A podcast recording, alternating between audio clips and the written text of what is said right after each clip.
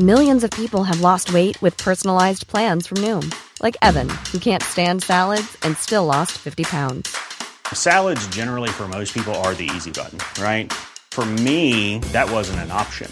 I never really was a salad guy. That's just not who I am. But Noom worked for me. Get your personalized plan today at Noom.com. Real Noom user compensated to provide their story. In four weeks, the typical Noom user can expect to lose one to two pounds per week. Individual results may vary. Planning for your next trip?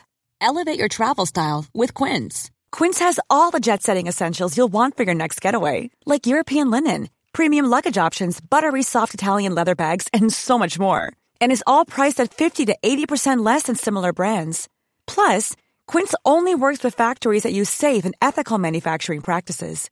Pack your bags with high-quality essentials you'll be wearing for vacations to come with Quince. Go to quince.com slash pack for free shipping and 365-day returns. Så det är nog min största, så här, en av de största grejerna jag tar med mig. Att ingenting var mitt fel. Och att ha landat i den insikten är så himla himla skön. För då kan man ju lägga bort skulden som jag har lagt på mig själv. Och lägga skulden där den hör hemma hos honom.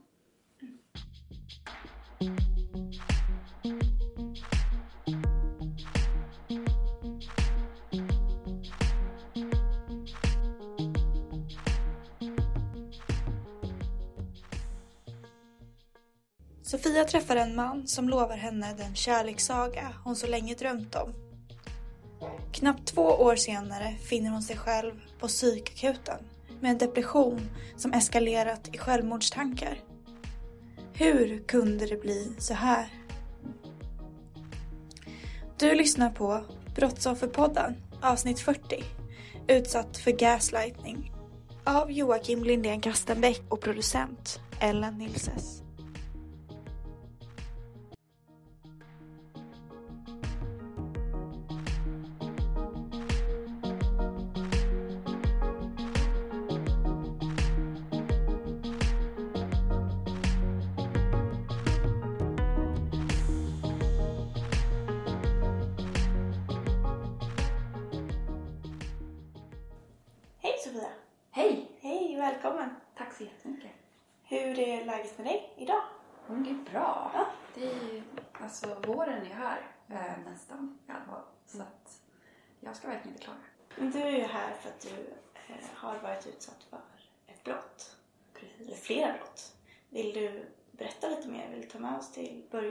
Av liksom, historien? Ja, absolut. Ehm, jag inledde en relation med en man eh, som jag blev stört förälskad i.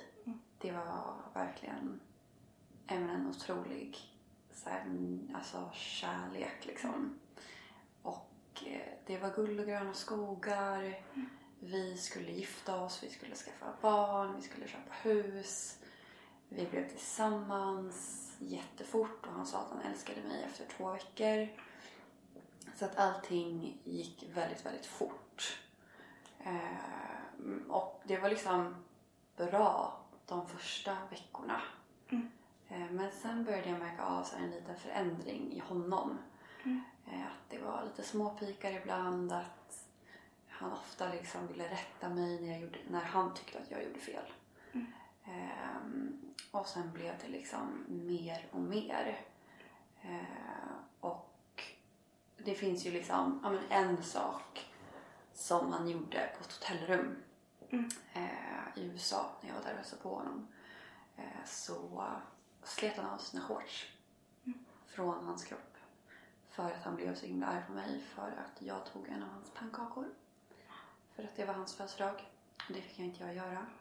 Eh, och det urartade i ett bråk eh, där han blev så arg på mig så han slet sönder sina shorts från kroppen.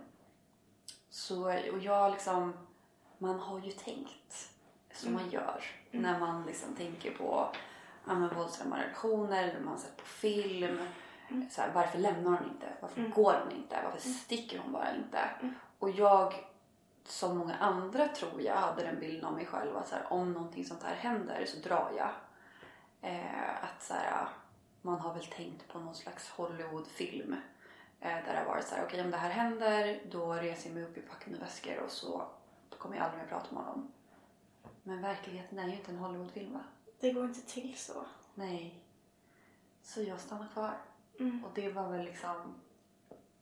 Det var början på eh, den psykiska misshandeln som pågick i ett år. Ett år. Mm. Men hur tidigt i ert förhållande så var den här incidenten på hotellet? Det var några månader in. Mm. Ehm, och den kom helt out of the blue för mig. Liksom. Mm. Jag, hade inte, jag såg det inte hända, jag såg det inte framför mig. Jag förstod ingenting. Det är så här, ja man kan bli arg och man kan vara oense och bråka. Men på den här nivån. Jag trodde aldrig att det skulle hända Nej. med honom. Precis. Men eh, var det liksom första gången som du kände att okej, det här är inte bra? Ja, precis. Alltså saker hade hänt lite innan, så här, små grejer. Men det var så här, det var alltid följt av massa kärleksförklaringar om hur bra jag var eh, blandat med liksom, kritik. Och så är det ju ofta i början i såna här relationer att man sätts upp på någon pedestal, på någon tron och sen dras man ner igen. Så man blir liksom beroende av de här topparna som den här personen ger en. Eh, men det här, alltså den första, eller incidenten på hotellrummet var liksom den första riktiga allvarliga grejen. Mm. Vad hade du haft för typ av relationer innan? Hade du haft hälsosamma relationer? Jag hade inte varit med om våld på det här sättet i relationer. Men sen kan man ju diskutera om de har varit hälsosamma eller inte. Men alltså absolut mer eller mindre. Men jag har ju lärt mig av den här relationen och när jag tänker tillbaka på den förra relationen att jag måste sätta mig själv först. Men eh, vem är du som person? Ja, men jag brukar ju säga att det fanns en Sofia före det här hände och nu finns en Sofia efter att det här har hänt. Och Sofia före, hon var... Hon litade på människor. Alltså, alltså hon... Nu pratar jag så om henne som i tredje person men det känns typ inte som att hon finns kvar längre på samma sätt eh, som förut. Men hon litade på människor. Hon trodde gott om de flesta. Hon trodde på sig själv och var självsäker. Eh, och vågade göra saker. Bad inte om ursäkt utan kunde säga ifrån. Ehm, men sen så förändrades ju det väldigt, väldigt mycket. Jag, har ju, jag märkte inte det under tiden vi var tillsammans. Mina kompisar märkte ju en stor, enorm skillnad i mig som person. Men efter liksom, när jag insåg vad jag hade varit med om, när jag hade kraschat, när liksom jag bara var en spillra av den som jag var innan. Så har vi ju tvungna att bygga upp det. Och nu är det ju alltså det här med att lita på andra människor. Speciellt män. Det är, det är inte lätt. Du säga att det är den största skillnaden på hur det var innan? Och Ja. hur ja. Jag, eh, jag försöker jobba på det.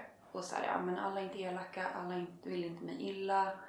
Men det är svårt. Och eh, i början när jag dejtade, så, alltså precis efter att jag hade lämnat honom, så var det ju destruktivt för mig. Inte att killarna jag dejtade var destruktiva, utan jag gjorde det som en destruktiv grej mot mig själv. Eh, svårt att förklara på något annat sätt än, än det. Och det var inte bra. Nej. Okej. Men Sofia, om vi, om vi tar oss tillbaka till eh, hotellrummet och den här incidenten. Mm. Var ni på någon resa då?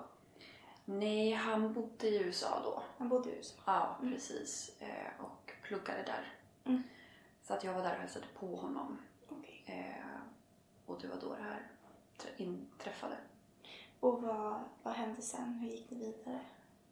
Eh, vi gick vidare så att jag bad om ursäkt. Eh, vilket jag hade börjat göra mer och mer eh, till honom. Och sen så ja, men, bara körde på som om ingenting hade hänt. Liksom. Det här fanns ju kvar liksom, i mitt bakhuvud och jag gjorde liksom mentala noteringar att så här, okej, jag får inte göra om det här misstaget igen. Så att jag var ju hela tiden liksom, min, min, min hjärna gick hela tiden på högvarv liksom att just det, jag får inte göra så här för då kan han bli arg. Eller jag får inte göra så här, då kan han bli arg.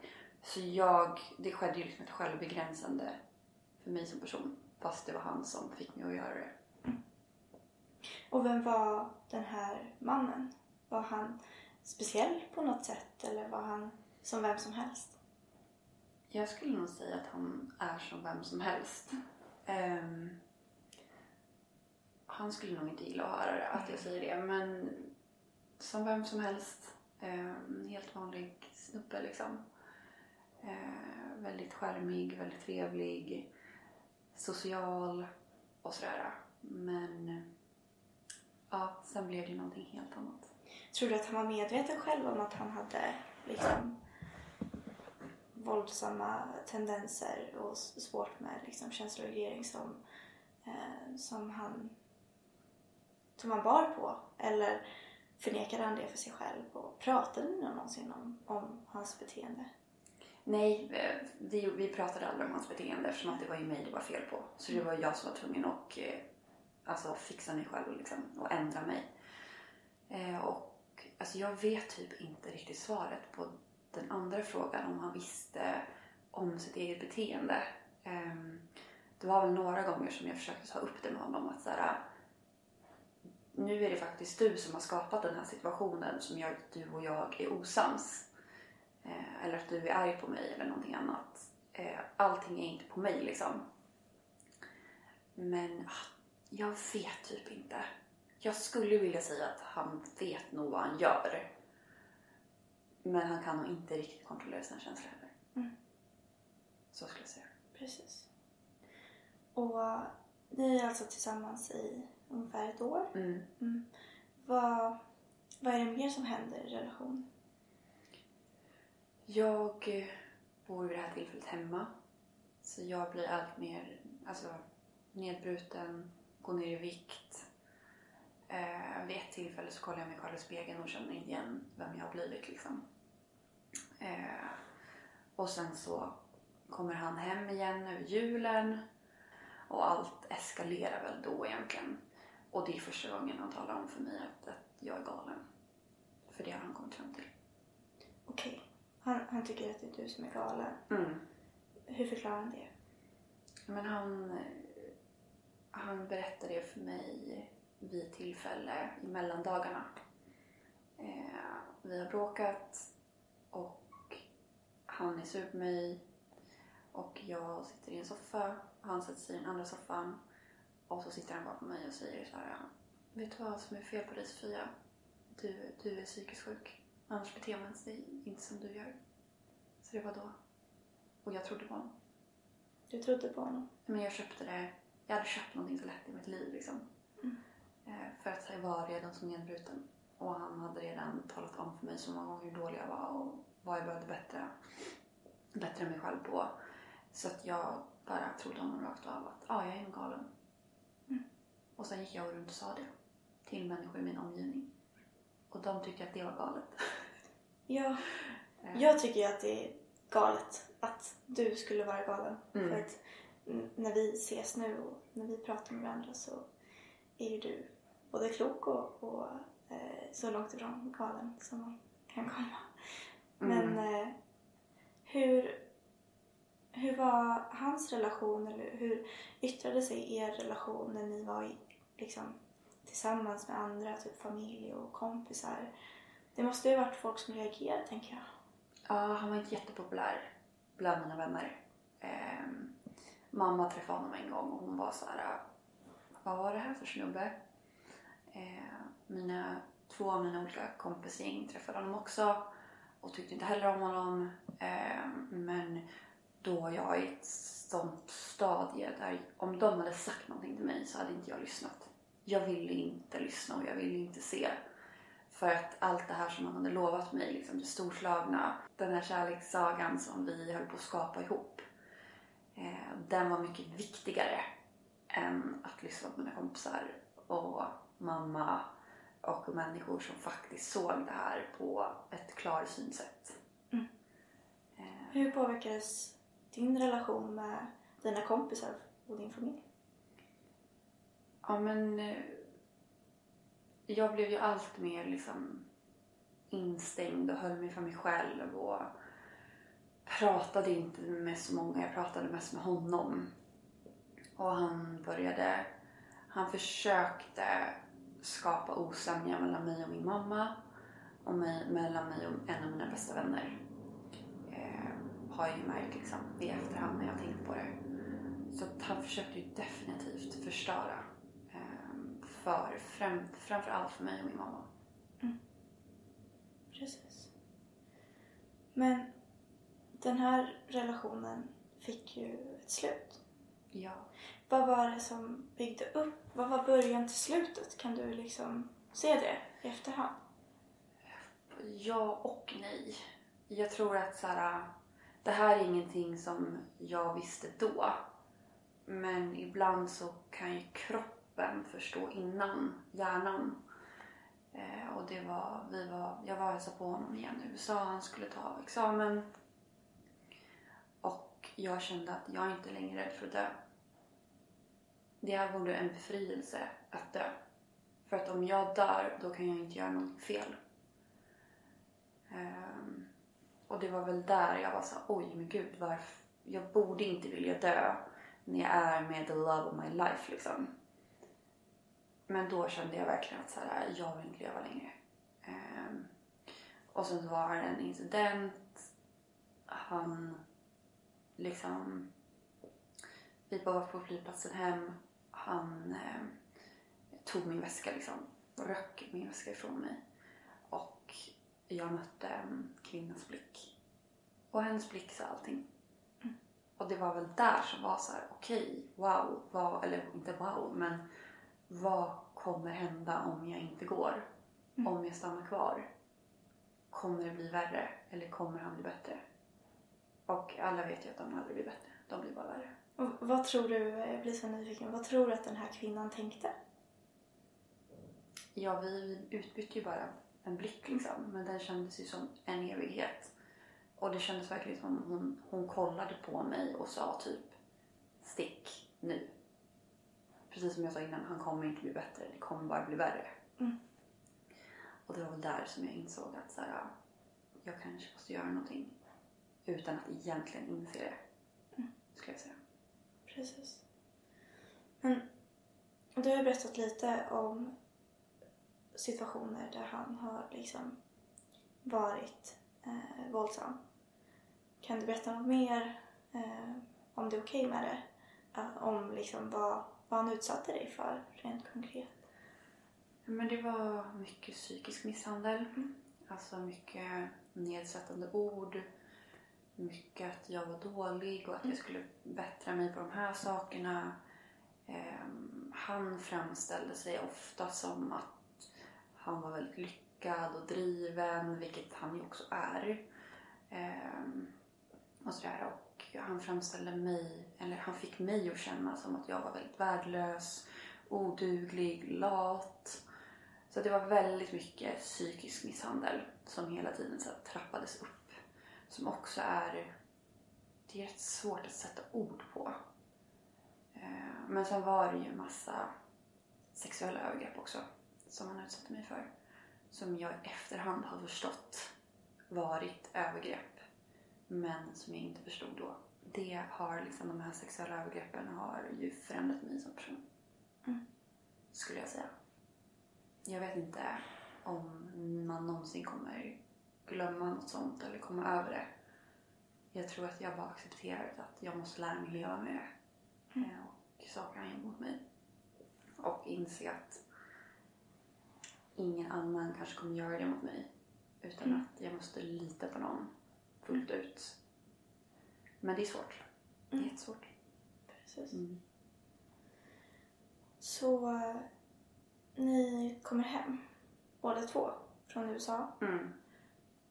Vad, och det här är början på slutet. Precis. Mm. Vi kommer hem, åker hem till mig. Eh, somnar på en gång när vi kommer hem. Mm. Sen så går vi ut och käkar och han har liksom lovat mig att nu är det du och jag Sofia så här, under den här perioden han var hemma för sen skulle han åka tillbaka till USA och vara där över sommaren. Men det blev inte så utan han var hela tiden så ändrade han planerna liksom för att fucka med mitt huvud. Att jag kunde aldrig vara trygg med någonting han sa eller som vi, vi inom citationstecken bestämde. Så då så var det egentligen sagt att han skulle vara hemma med mig i två veckor. Men då dumförklarade han mig och bara jag har aldrig sagt att jag ska vara hemma med dig i två veckor utan jag måste åka hem och vara i skogen och vara i naturen liksom. Eh, och då sa han bara för att jag är det viktigaste i ditt liv så betyder det inte att du är det viktigaste i mitt liv. Och där var det någonting som ändå så här, jag vet inte, det hände någonting i mig där. Så då bara reste jag mig upp och gick. Från restaurangen? Ja. Ehm, han följde efter. Men var väl inte jättenöjd med hur situationen hade utvecklat sig. Så han beställde en tågresa hem. Så då drog han. Eh, och hörde inte av sig på några dagar. Sen kom han tillbaka efter åtta dagar. Men då hade jag redan hunnit berätta så pass mycket för mina närmsta vänner och familj att det var svårt för mig att gå tillbaka in i en relation med honom. Så. Så du hade berättat för familj och, vänner om vad han hade utsatt dig för? Mm. Och hur reagerade de då? Men först så, jag förstod inte vad jag hade varit med om. Det var ju så här, ja, ja, han har varit typ lite dum. Men det är mest jag som har varit dum för att jag är korkad och kan inte göra saker och bla bla bla. Men sen pratade jag med en av mina närmsta kompisar. ehm, och hon har jobbat liksom inom socialen och hon var såhär, Sofia, det här är liksom våld. Det här är psykisk misshandel och sexuella övergrepp. Och det var väldigt svårt att greppa. Alltså det var väldigt svårt att greppa. För att man, det, det är ens bästa kompis som man liksom älskar och håller av som sitter och berättar det vidrigaste man kan vara med om. Att det har jag varit med om. Och jag förstod inte att det var det jag varit med om. Så blev det väldigt så här, kaos och förvirring i mig. Så jag försökte genast bortförklara. Jag bara, nej men gud det är inte så farligt. Jag, du vet ju hur jag kan vara. Och hon bara, jo precis. Men det här är inte okej det han har gjort mot sig. Reagerade du med, du nämnde att du reagerade genom att gå i försvarsställning men kan du se i efterhand att det var liksom väldigt hjälpsamt av den här kompisen? Ja, gud ja. Alltså jag är ju alla som liksom, alltså mina närmaste kompisar och min familj, jag är ju de evigt tacksamma för att de inte slutade berätta för mig att det här inte var okej. Även om jag sa nej men det är okej, det är lugnt. Liksom. De bara nej det är inte det. Det är inte okej. Så jag förstod ganska tidigt att det han hade gjort mot mig, det var, det, det, så gör man inte mot någon människa. Men det tog lång tid för mig att förstå den omfattningen av vad hans misshandel hade gjort med mig. Det tog jättelång tid att förstå. Precis. Men, så han har varit borta i åtta dagar och kommer tillbaka. Men du har redan bestämt dig för att du vill lämna honom. Mer eller mindre. Jag tar tillbaka honom en gång. Då när han kommer tillbaka. För att jag saknar honom så mycket. Det gör så ont. Och jag kan inte leva, man kan inte leva utan varandra. Bla bla bla. Så. Men sen så ska han åka tillbaka till USA. Och då säger han till mig att vi bara kan vara vänner liksom. Och då är vi vänner ett tag. Men det funkar inte. För att han blir ännu mer kontrollerande än vad han var när vi var tillsammans. Han vill veta vad jag gör, vem jag gjorde det med, när jag gick och la mig, när jag vaknade. Alltså han skulle ha koll på allting liksom. Så det blev för mycket. Så då pallade inte jag det längre. Ringde du honom då eller smsade du att du Vi vill skrev, på, vi skrev faktiskt på Messenger. Och så här, jag bad honom lämna mig i fred där. Så gjorde han det ett tag. Hur tog han det? Nej men han blev ju jättearg och kunde inte alls förstå varför och sådär. Vi skulle ju vara, vi skulle vara bästa kompisar i all evighet och sådär. Så att han tog väl inte det hela jättebra. Så du lyckas till slut och ta dig ur den här relationen. Och vad, hur känner du då? Vem är du då? Då är jag en spillra av mig själv. Jag vet inte vem jag är. Men jag kör på. Jag tänker att det här ska inte stoppa mig. Han ska inte stoppa mig till att jag lever mitt liv fullt ut. Så jag körde egentligen bara på. Alltså bara kör, kör, kör liksom. Eh, genom hela den hösten och sen så våren och så kom det en pandemi. Jag började jobba hemifrån och liksom blev allt sämre.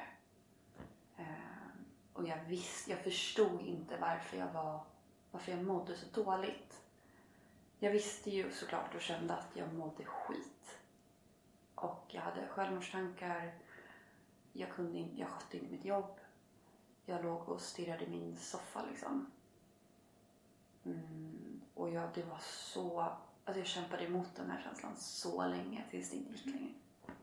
Ja precis, vi har ju haft lite kontakt innan Ja. och du har nämnt att det var en särskild händelse eh, 2020 eh, Mm. under sommaren när du hamnade på en psykiatrisk akutmottagning. Ja, Vill du berätta lite om hur det kom sig? ja absolut. Ehm, men jag var hos min psykolog och jag var liksom i upplösningstillstånd. För att det var en massa saker som hade hänt på mitt jobb som jag inte kunde hantera. Ehm, och jag kom in till henne och bara grät. Och någonstans, och det var, det var också första gången som jag bad om hjälp. Mm. Och någonstans så tror jag att hon såg och insåg att så här, jag kommer inte kunna hjälpa henne. Men det finns hjälp att få. Så då ringde hon till psykakuten. Och sen gick jag dit. Mm. Och det var verkligen surrealistiskt.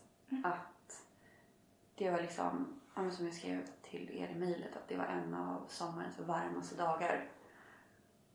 Och man vill ju bara ligga och bada och käka glass liksom. Men jag var på väg till psykakuten. Det var så det var så surrealistiskt men samtidigt så hade jag givit upp också. Alltså så här, om det, om det måste, alltså om det, för att det ska bli bättre så måste jag ta hjälp. Mm. Och där och då var det väl den första gången som jag bad om hjälp från en utomstående. Och hade du någon gång tänkt i de banorna av att eh, liksom göra en polisanmälan eller gå igenom någon form av rättslig process? Jag polisanmälde honom för ofredande. Mm. Eh, men det lades ner. Och sen så har jag polisanmält honom för våldtäkt. Mm. Men det lades också ner. Brist på bevis. Precis. Mm. Och hur var det? Hur var det att göra en polisanmälan?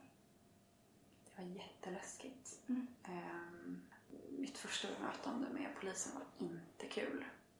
Det var en, väldigt otrevlig polis som svarade Mm. och inte alls tog mig på allvar berättade om det jag hade varit med om.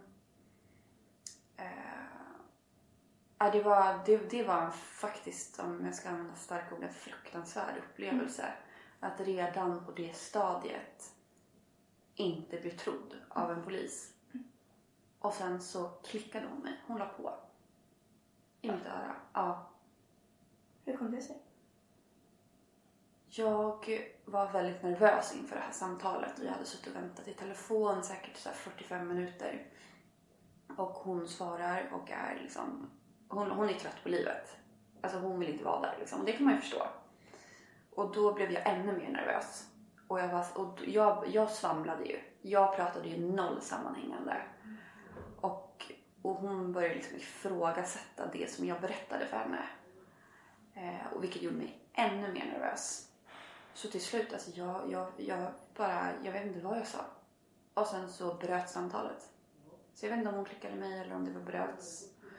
Jag vet inte. Men det var ju inte så kul.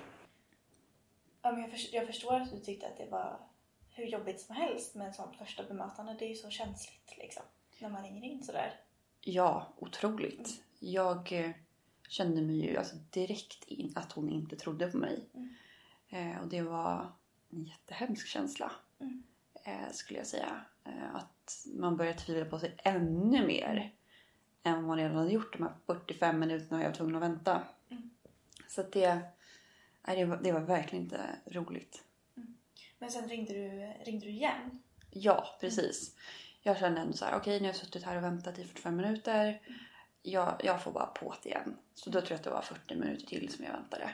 Och då kom jag till en jättevänlig polis och jag berättade för honom att jag var väldigt nervös och jag vet, visste inte riktigt varför jag ringde. Och han lotsade mig igenom samtalet på ett jättefint sätt. Eh, och efter det så kändes det ju väldigt tryggt. Och det är väl det som jag väljer att bära med mig eh, nu. Att jag ändå fick ett bra bemötande till slut. Mm. Precis. Så du gjorde de här anmälningarna och de, eh, det blev inget av dem. Men det var ändå viktigt för din egen skull förstod jag det som. Ja, precis. Det stämmer. Eh, Det var på något vis för att tala om för mig själv att det som jag har varit med om och det som han har valt att göra mot mig inte är okej. Så att det, det var extremt viktigt att göra det för min egen skull. Och jag tänkte också att vi skulle prata om ditt Instagramkonto. Låt oss. När eh, i liksom, var i tiden är vi när du startar Instagramkontot? Eh, Då är vi i tiden när jag är väldigt, väldigt arg.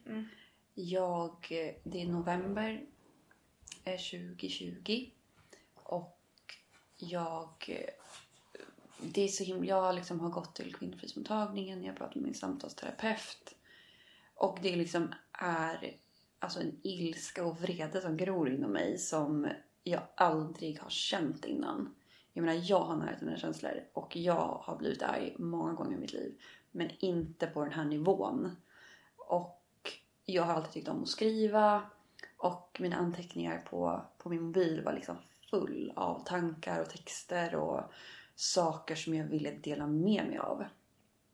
Så då blev det så att den 1 november 2020 så startade jag Sofia Silver Lining. Där jag berättar om mina erfarenheter.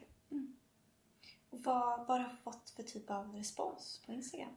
Oj, den har varit otrolig. Jag har ju tack och lov fått väldigt, väldigt lite hat. Och jag eh, ja, men har fått väldigt många historier berättade för mig.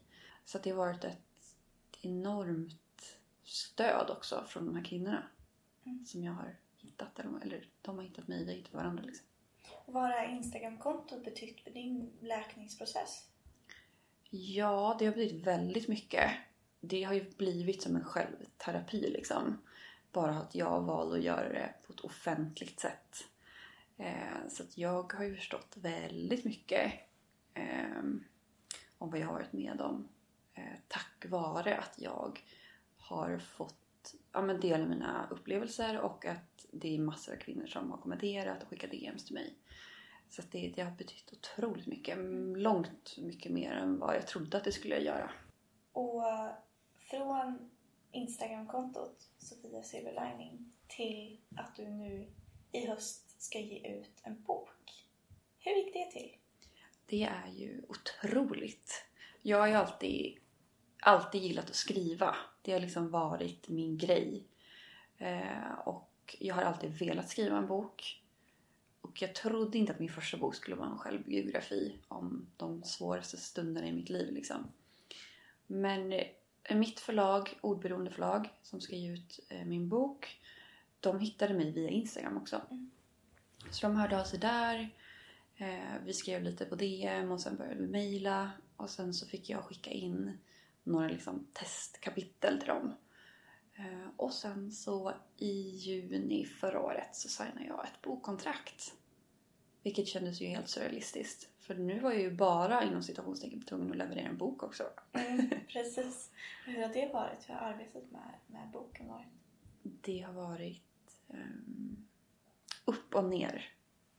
Det har varit fantastiskt roligt. För att som jag sagt tidigare, jag älskar att skriva liksom. Men det har också varit bland det svåraste jag har gjort.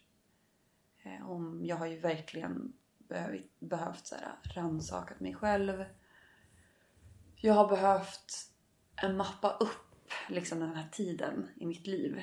Eh, jag började liksom sätta post-it-lappar på, mitt sovrums, på min sovrumsvägg. I så kronologisk ordning av allting som jag skulle skriva om eller ville skriva om. Eh, Och alltså vissa saker som jag har skrivit om har givit mig enorm ångest. Så att då har jag varit tvungen att sitta inte mer än 30 minuter åt gången.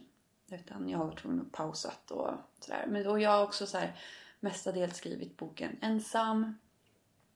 Men vissa sekvenser har jag inte kunnat skriva ensam. Då hade jag varit tvungen att vara hemma hos mamma och pappa eller någon kompis. Precis. Och när du har liksom skrivit om ditt liv på det här sättet, har du, har du fått några nya insikter eller har du kunnat se på relationen med den här våldsamma mannen på ett annat sätt? Ja, eh, absolut. Och liksom den största insikten jag har fått är ju att ingenting var mitt fel. Och jag väljer att, att se på det här som han väl valde att göra de här sakerna mot mig. Eh, och det kommer han aldrig kunna skylla ifrån sig. Liksom att, att, att det var jag som gjorde att han blev så här. Det är ju bara bullshit har jag ju insett, insett efteråt. Så det är nog min största, så här, en av de största grejerna jag tar med mig. Att ingenting var mitt fel. Och att ha landat i den insikten är så himla, himla skön. För då kan man ju lägga bort skulden som jag har lagt på mig själv. Och lägga skulden där den hör hemma hos honom. Precis. Mm. Jag tänkte också, jag har ju eh, jag har följt dig eh, på Instagram och eh, kollat igenom lite dina inlägg och så du skriver. Och i ett av dina inlägg så eh, läste jag eh, följande rad. Jag är ett brottsoffer och så mycket mer. Vi heter ju Brottsofferpodden och det är ju eh, så att vi har haft samtal med flera olika människor som har svårt att identifiera sig med att vara ett offer. Vad menar du med den här raden som du skrev? Jag menar att för mig har det varit väldigt viktigt att inse att jag är ett offer. Han har utsatt mig för saker som inte är okej. Eh, har Han har utsatt mig för brott. Och för mig har det varit väldigt, väldigt viktigt att inse det för att liksom kunna förstå allvaret, allvaret i den situationen som jag har varit i.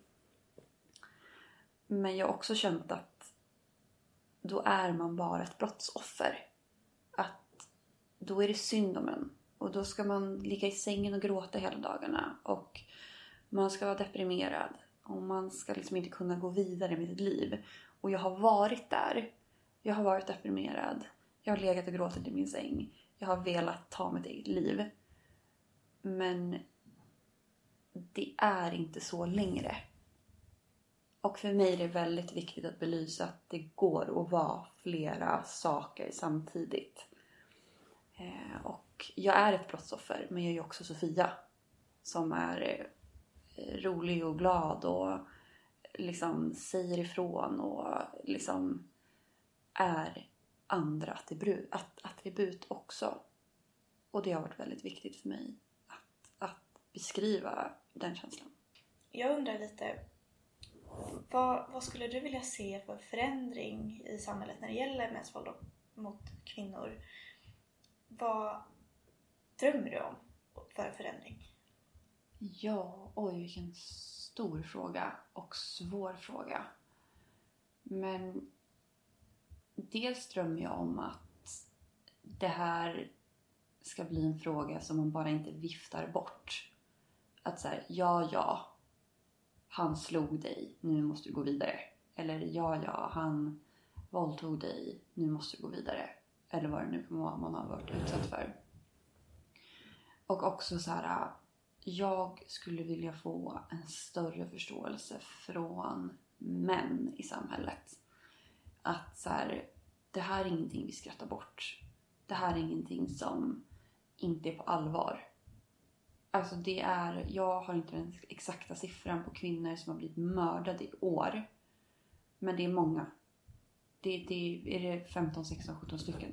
Redan. Och att man som man inte tar det här på allvar. Det, det, det är obegripligt. Jag, jag blir helt... Jag blir förbannad. Eh, Så det är väl det som jag vill kämpa för, eller kämpar för. Och det kan också vara det som jag ibland tar upp med män. När de frågar vad jag skrivit för bok.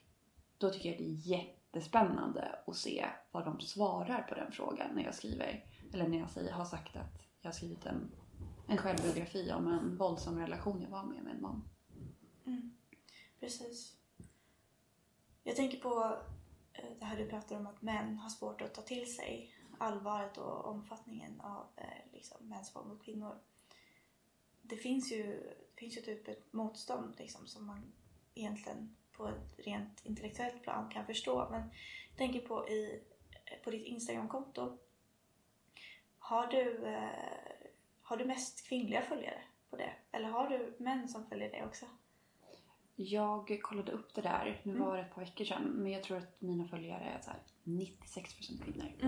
Precis, 4% det var det jag misstänkte. Ja, Ja. precis. Vad tänker du om det? Ja, vad tänker jag om det? Jag... eh, Jag tycker att det är förkastligt på så många sätt. För att jag vet, för alltså Instagram det är ju en, en, en app där man kan följa statistik och man kan se vilka inlägg som har gått bra och sådär. Och några av mina inlägg har ju gått jättebra och blivit visade i liksom nått väldigt många olika konton. Men att det också alltid nästan är uteslutande kvinnor som börjar följa mig. Det är, jag vet inte, det är, det är kanske så här läskigt för män att följa mig för att de inte, inte identifierar sig som en män eller som en man som slår kvinnor eller vad det nu kan vara. Och att det blir ofta så här, men alla män gör inte så. Man bara, men snälla rara någon. Ganska många ändå. Ganska många ändå som gör det. Det är tillräckligt många för att det ska vara ett problem. Precis, precis. Och att då bara helt slå ifrån sig liksom det ansvaret och den, eller ansvaret, eller den diskussionen är ju för mig helt obegripligt. Eh, jag vet inte vad, vad de sysslar med. Nej, jag, jag vet inte. Nej. Nej. Den här eh, boken som du ska ge ut i Ja. höst. Vem riktar den sig till skulle du säga? Jag har ju valt att vara väldigt, väldigt självutlämnande i den här boken. Eh, Min förhoppning är ju att läsaren ska kunna liksom ta del av mitt allra innersta. Av det mörkaste som jag gick igenom under den här perioden. Och främst så vänder den sig ju absolut mot, mot kvinnor som har varit utsatta, kanske är utsatta. Den vänder sig till kvinnor och tjejer och flickor kanske som ehm, kanske känner någon eller som vill ha mer kunskap om det här. Det, det är väl det som kommer liksom bli den primära målgruppen. Men det hade ju också varit fantastiskt om, nu säger jag igen, om fler män hade läst den här. Nu vet jag inte hur det blir, men som kommer vilja läsa den här och vilja ta till sig eh, vad som hände i mig och hur hans misshandel har förändrat mig som, som person. Hur, hur känns det inför att den ska ut i världen? Eh, det känns eh, nervöst. Det är ju liksom, den har ju bara lästs av, av några, några, några av mina närmaste vänner och såklart eh, förlaget och en redaktör. Och nu ska den liksom ut i den stora, vida, läskiga, skrämmande världen. Så det känns ju svinläskigt. Men jag är också väldigt redo för att den ska komma ut. Jag vill fråga också eh, om, om, om du har någonting som, som du tycker att vi inte har fått med eller så som du vill förmedla till våra lyssnare. Ja, men jag, jag tycker det är viktigt att förstå att skulden aldrig ligger på kvinnan. Även fast man hör ofta att så här, varför gick hon inte? Varför sa hon inget? Varför lämnade hon inte? Så det är jätteviktigt att förstå att när en kvinna bestämmer sig för att lämna, det är då som det är som allra farligast. Det är då som hon löper största risk att faktiskt alltså, mördas. Ehm, och att det är inte bara att lämna. Det är inte bara att sticka. Det är inte bara att dra. Eh, att man, man måste liksom förstå problematiken kring, kring ett sånt uttalande. Och det tycker jag inte så många människor gör. Så det är ju faktiskt någonting som jag skrivit väldigt många inlägg om. Det problematiska i att, att ställa frågan till kvinnan och inte till mannen. Varför slog du? Varför gjorde du så här? Varför var du så jävla taskig? Eller taskig, varför misshandlar du henne liksom? Eh, så att jag tycker verkligen att det är superviktigt att man ska placera skulden där den hör hemma hos förövaren och mannen. Klokt sagt. Det är, det är viktigt. Och det är också det som vi försöker göra med den här podden. Att lägga skulden där den hör hemma. Mm, precis. Tack så jättemycket för att jag fick komma. Tack Sofia! Och vi ser fram emot att få ta del av din bok och din berättelse. Tack så jättemycket. Historia som berättas har satt sina spår Finns ingen skam att känna Men den känns ändå Känn dig aldrig ensam med minnen du bär på. Det är inte din skuld att bära. Jag hoppas du förstår,